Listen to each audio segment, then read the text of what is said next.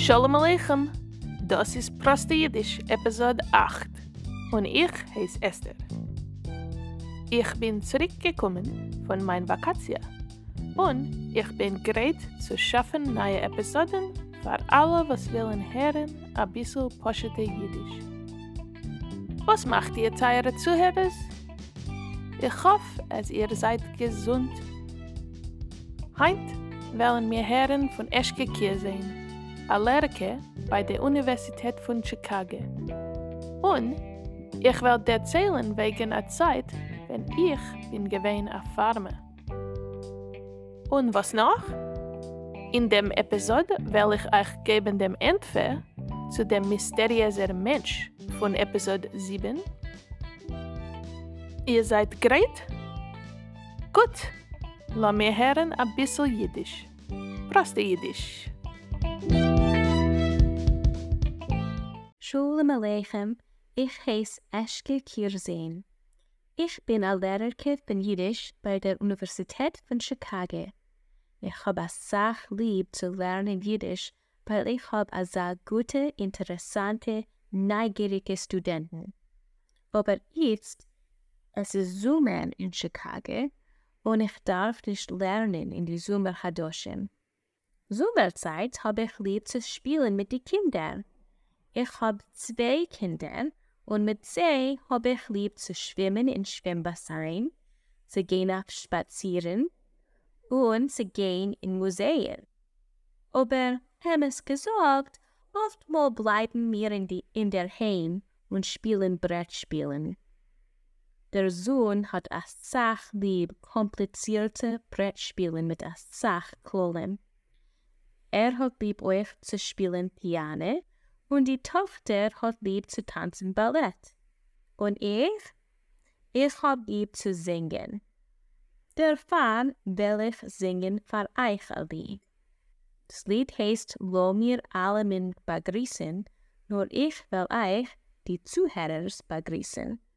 Also, Lo mir die Zuhörers begrüßen, Lo mir die Zuhörers begrüßen.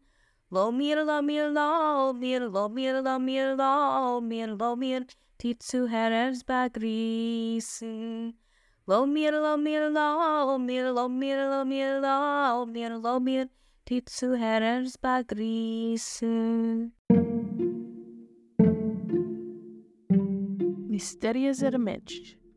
Der Entfer. Hat ihr sich zugehört zu Episode 7?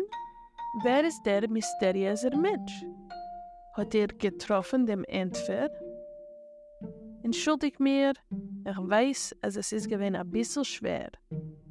Aber ich hoffe, dass es ist gewesen euch interessant. Okay, lass mir hören, wer ist gewesen der mysteriöse Mensch?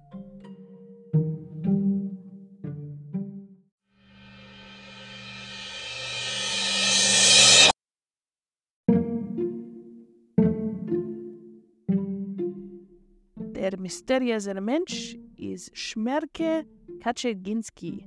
Hat ihr einmal gehört von Kaczynski? Kaczynski ist gewesen sehr ein wichtiger Schreiber, Poet und auch ein Partisan und ein Teil von der Papierbrigade in Wilna. Er hat gesammelt hunderte Lieder, was man hat geschrieben beschaß dem Chorben, und er hat euch allein geschrieben Lieder. Hat ihr einmal gehört, soll schon kommen die Geule? Oder Stille Stiller? Prächtige jüdische Lieder. Wir gedenken Schmerke Kaczynski. Und, als ihr wollt sich lernen mehr wegen Schmerke Kaczynski, könnt ihr gefunden Links zu seiner Biografie und seinen Lieder in unser Transkript.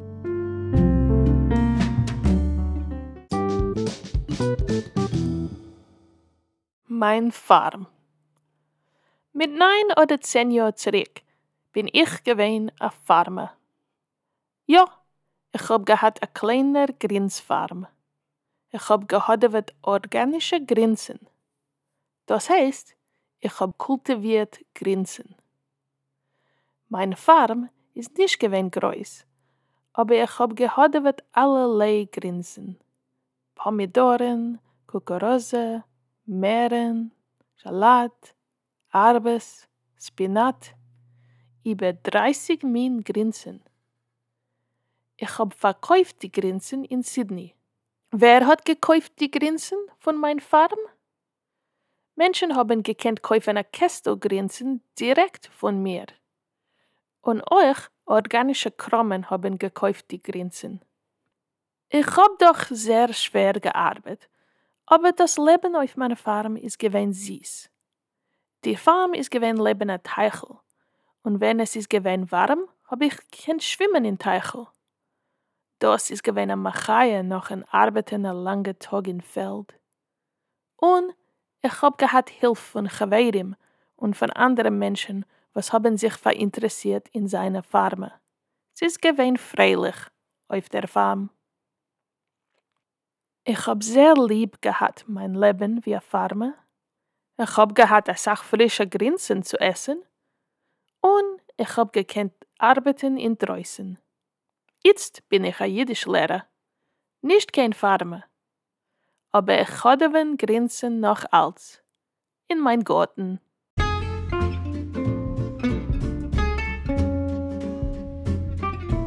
Und das ist der Sof von Episode 8. Dank Eschke, Dank euch. Bis wir treffen sich weiter, bleibt gesund und red Yiddish. Thanks for listening, and thanks to those who have written to say how their show is helping with your Yiddish learning. I love to hear it.